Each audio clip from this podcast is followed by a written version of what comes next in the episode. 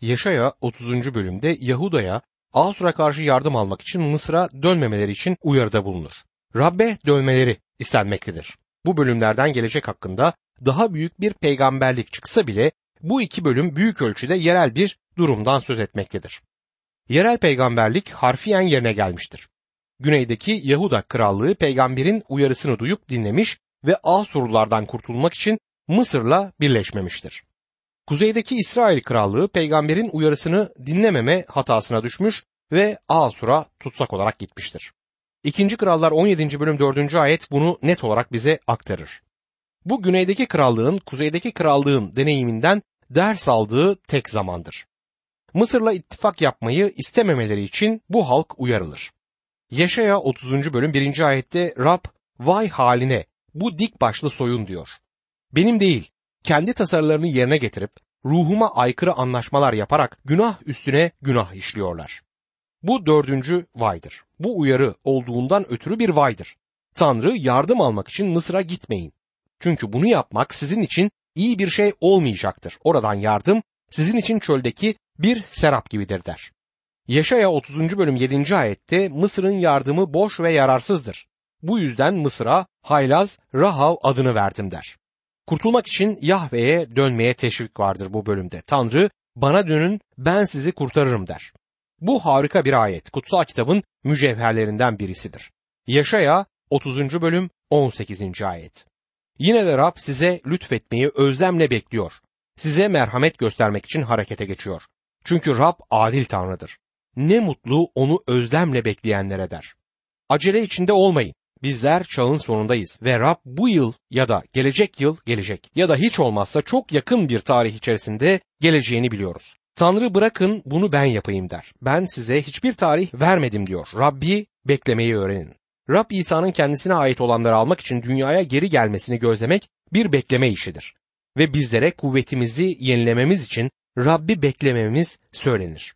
Tanrı'yı acele ettiremezsiniz. Tanrı'nın acelesi yok. Belki işler sizin gitmesini düşündüğünüz biçimde ilerlemiyor.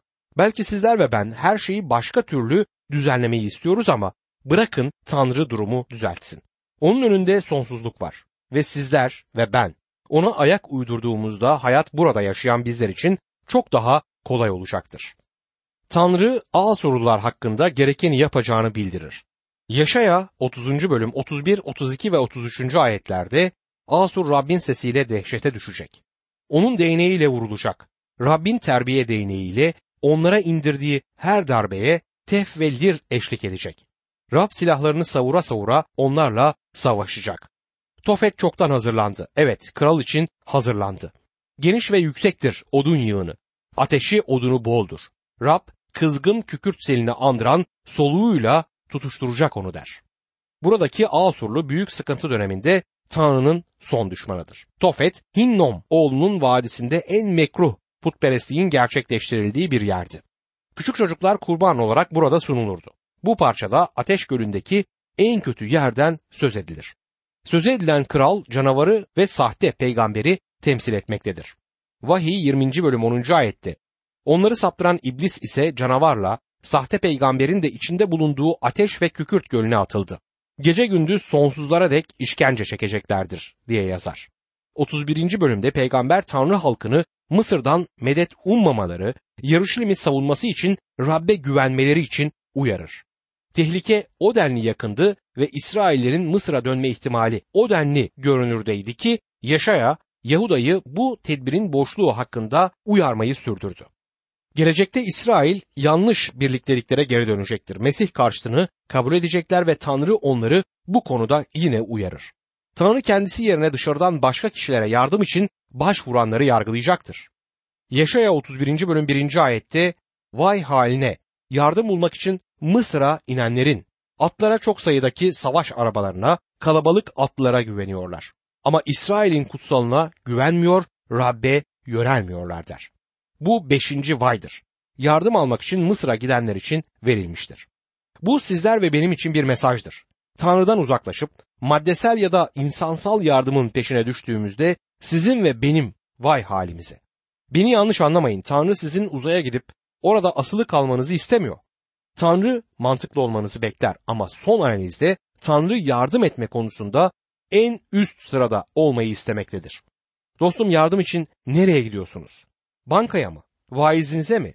Ara sıra bana belirli bir durumda ne yapması gerektiğini soran birileri gelir. Aslında ben kendim kendi hayatımda ortaya çıkan birçok sorun hakkında ne yapmam gerektiğini bile bilmiyorum. Diğer insanlardan öğüt istemek hoş olduğu halde son noktada yardım için Rabbe gitmelisiniz. Mezmur yazarı 20. mezmur 7. ayette şöyle der. Bazıları savaş arabalarına, bazıları atlarına güvenir. Bizse Tanrımız Rabbe güveniriz.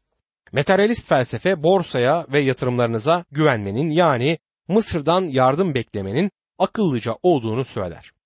Çoğumuzun medet umduğumuz bir Mısır'ı vardır. İsrail'in zorluklarının gerçek kaynağı Tanrı'ya bakmamaları ve onu aramamalarıydı. Ona güvenmedikleri için dışarıdaki fiziksel bir güç gösterisine dönmüşlerdi. Yaşaya 31. bölüm 5. ayet her şeye egemen Rab kanat açmış kuşlar gibi koruyacak Yaruşilim'i. Koruyup özgür kılacak, esirgeyip kurtaracak onu der. Göreceğimiz gibi Rab Hiskia'nın günlerinde Yaruşilim'i savunup korumadı. Tanrı onlara Asurluların Yaruşilim şehrini almayacaklarının kesin bir şey olduğunu söylemiştir. Yaşaya 31. bölüm 8. ayette Asur kılıca yenik düşecek ama insan kılıcına değil. Halkı kılıçtan geçirilecek ama bu insan kılıcı olmayacak. Kimileri kaçıp kurtulacak, gençleri de Angarya'ya koşulacak der. İnsan kılıcına değil ya da güçlü insan kılıcına değil. Tanrı onları kovmak için kuvvetli olacağınızdan ötürü bunlar olacak demiyor. Öyle olmayacaksınız. Asurlu'yla Tanrı uğraşacaktır. Güvenleri Rab'de olmalıdır. Bu size yardımcı olup size kuvvet vermesi için okunacak çok iyi bir bölümdür. Yaşaya 32. bölümde gelmekte olan kral, gelmekte olan büyük sıkıntı ve gelmekte olan ruh anlatılmaktadır. Bu bölüm 5. ve 6. vay arasındaki parlak noktadır. O zaman yaşayan insanlara içinde bulundukları karanlıkta yer alan bir ışık hüzmesi olarak gelir. Kralın kişiliği uzun zamandır karşımızdadır ama bu noktada onun yine tanıtıldığını görmekteyiz. Çünkü o olmadan ne milenyum ne de bereket olabilir. Hüküm sürecek kralın kişiliğine şimdi beraber bakacağız. Yaşaya 32. bölüm 1. ayette şöyle yazar. İşte kral doğrulukla krallık yapacak. Önderler adaletle yönetecek. Bu ayet krallık çağına ışık tutmaktadır. Kral Rab İsa Mesih'ten başkası değildir. Onun egemenliğinin özelliği doğruluk olacaktır. Dünyada şimdiye kadar hiç böyle bir krallık olmadı. Yaşaya 32. bölüm 2. ayetti. Her biri rüzgara karşı bir sığınak, fırtınaya karşı bir barınak, çölde akarsu, çorak yerde gölge salan büyük bir kaya gibi olacak diyor. Rab sadece kral olmakla kalmaz. Aynı zamanda o kurtarıcı kraldır. Günahın yargısının rüzgar ve fırtınasına bizim için katlanmıştır. Korunmamız için bizim için bir sığınak olmuştur. Yaşaya 26. bölüm 4. ayette Rabbe sonsuza dek güvenin. Çünkü Rab, evet Rab sonsuza dek kalıcı kayadır der. Önümüze çağların kayası olarak konulmaktadır. Bu kaya sembolü altında onun hizmetinin bir başka yönüdür. O günümüz inanları içinde bir sığınaktır. Yaşaya 32. bölüm 3. ayetti.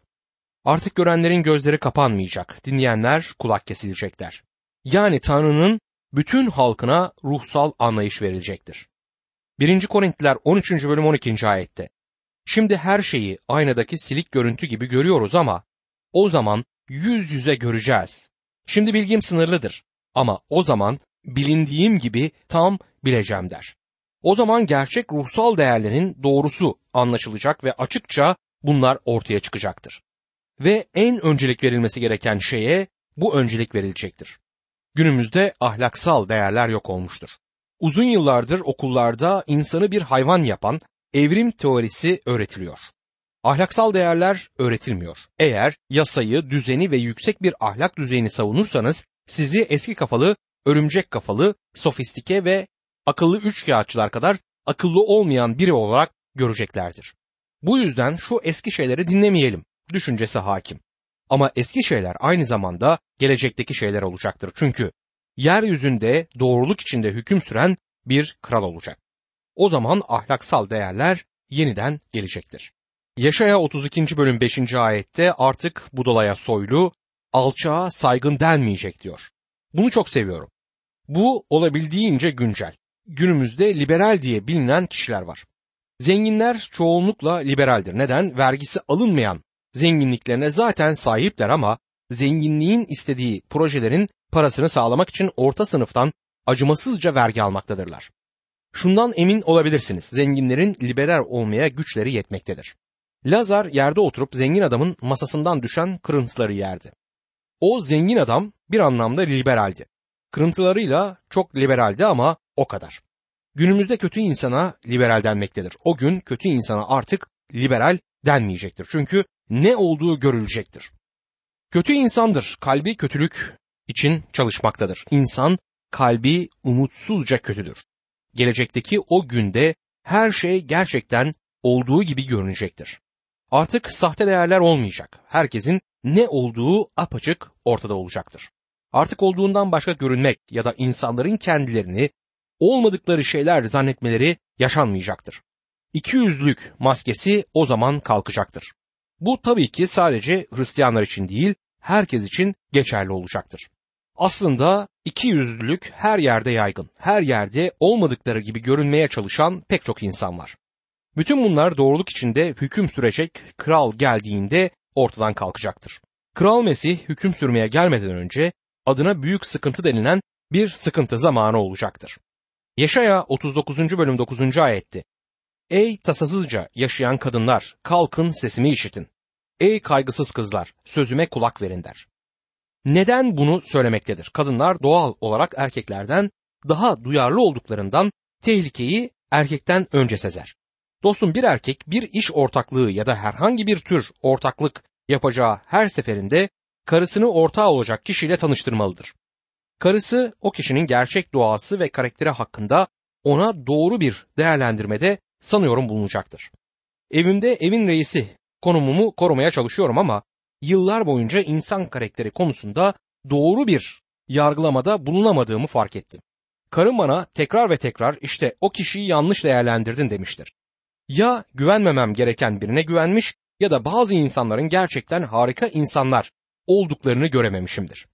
Bu yüzden özellikle insanların karakterlerini değerlendirmede yapılacak en iyi şeyin karımı dinlemek olduğunu öğrendim. Tanrı şimdi büyük sıkıntı zamanından önceki dönemde kadınların gelmekte olan tehlikeyi sezemeyecek kadar duyarsız olacaklarını söylemektedir. O gün gelmekte olan tehlike hakkında hiçbir fikirleri olmayacak derecede zevk içinde yaşayan kadınların olabileceği düşüncesi bana ilginç geliyor. Şimdi ruhun vaadine bakalım. Ruhun son günlerde döküleceği vaadi olan üçüncü parçaya geldik. Yaşaya 32. bölüm 5. ayette ta ki yukarıdan üzerimize ruh dökülene dek. O zaman çöl meyve bahçesine, meyve bahçesi ormana dönecek diyor kutsal kitapta. Burada Tanrı sözündeki peygamberliğin gelişimine dikkat etmeniz gereken bir durum var. Ruh ne zaman dökülecektir? Ruh milenyumda. Mesih hüküm sürdüğünde dökülecektir. Bu en büyük ruhsal bereketler ve Mesih'e dönüşün yaşandığı zaman olacaktır. Çünkü o sırada Mesih yeryüzünde şahsen hüküm sürecektir. Bu o sırada her dizin Mesih'in önünde çökeceği anlamına gelmez. Her diz sonunda onun önünde çökecektir ama krallık bir sınama zamanı olacaktır. Yoel peygamber bundan söz ederek Yoel 2. bölüm 28 ve 29. ayetlerde şöyle der. Ondan sonra bütün insanların üzerine ruhumu dökeceğim. Oğullarınız, kızlarınız peygamberlikte bulunacaklar. Yaşlılarınız düşler, gençleriniz görümler görecek. O günler kadın erkek kullarınızın üzerine de ruhumu dökeceğim. Elçilerin İşleri 2. bölüm 15 ila 21. ayetler arasında Petrus, Yoel 2. bölüm 28 ve 29. ayetlerden aktarma yapmıştır. Petrus Pentikos'un Yoel'in gerçekleşişi olduğunu değil, Pentikos'un Yoel'in tanımladığına benzer bir durum olduğunu söyler. Petrus'un zamanında kutsal ruhla dolu olan insanlarla sabahın erken saatlerinde sarhoşmuşçasına alay edilmişti.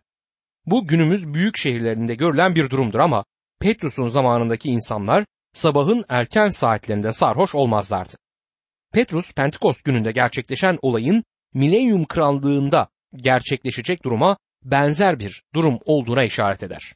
Yoel ve Petrus'un tanımladığı durum Rabbin ruhunu bütün insanların üzerine dökeceği krallık çağında gerçekleşecektir. Pentekost gününde sadece birkaç kişinin üzerine ruh dökülmüştü ama milenyumda gerçekleşecek duruma benzer bir durumun resmidir.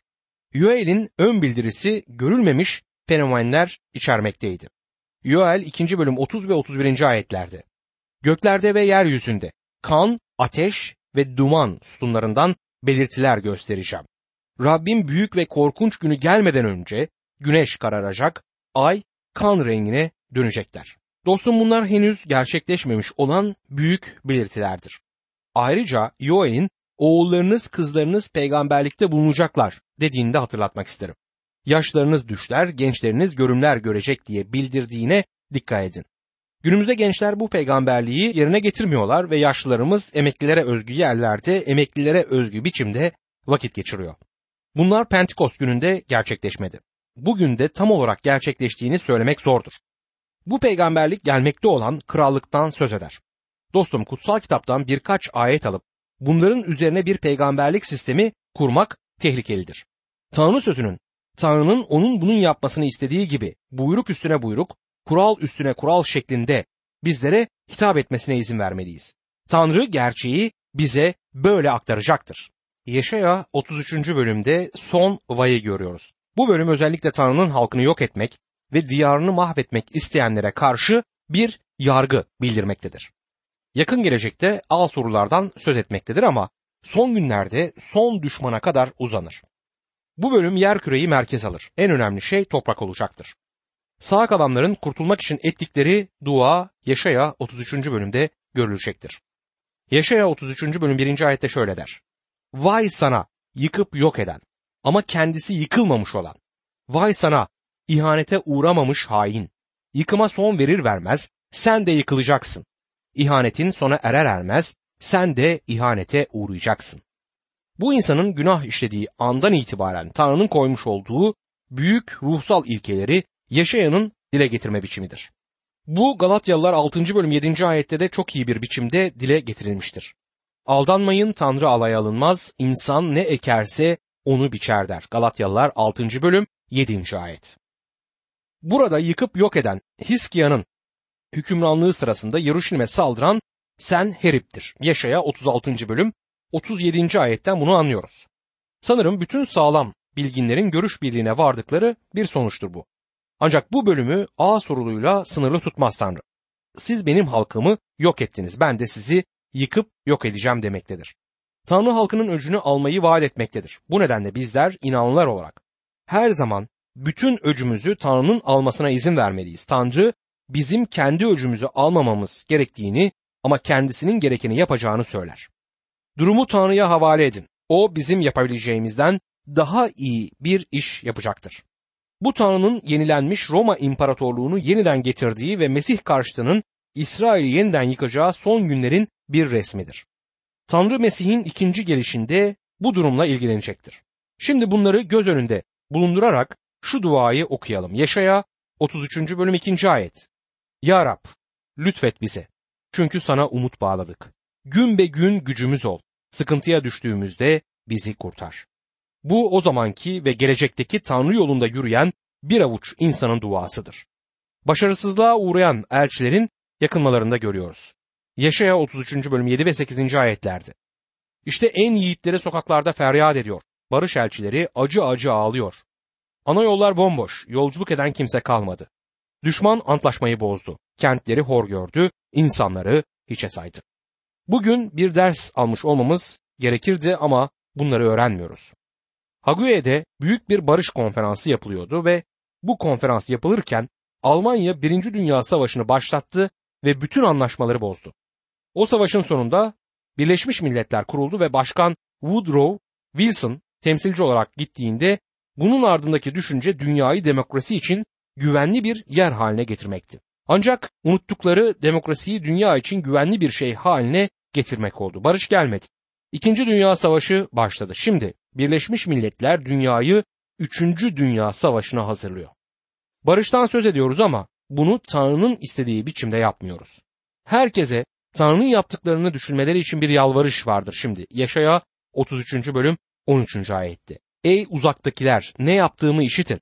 Ey yakındakiler gücümü anlayın diyor Tanrı. Burada iki gruba hitap edilir. Uzaktakiler uluslardır ve yakındakiler de İsrail'dir. Bu Tanrı'yı kabul etmeleri için bir çağrıdır. ve 14. ayette devam ederek Siyon'daki günahkarlar dehşet içinde. Tanrısızları titreme aldı. Her şeyi yiyip bitiren ateşin yanında hangimiz oturabilir? Sonsuza dek sönmeyecek alevin yanında hangimiz yaşayabilir diye soruyorlar. Siyon'daki günahkarlar İsrail olmayanlarıdır. Diğer uluslardaki kişilerden Tanrı'dan uzak olanlar olduğu gibi İsrail'de de Tanrı'ya uzak kişiler vardır. Her şeyi yiyip bitiren ateş, vahiy kitabında sözü edilen ateş gölünden değil, Tanrımızın yiyip bitiren bir ateş olduğu gerçeğinden söz eder.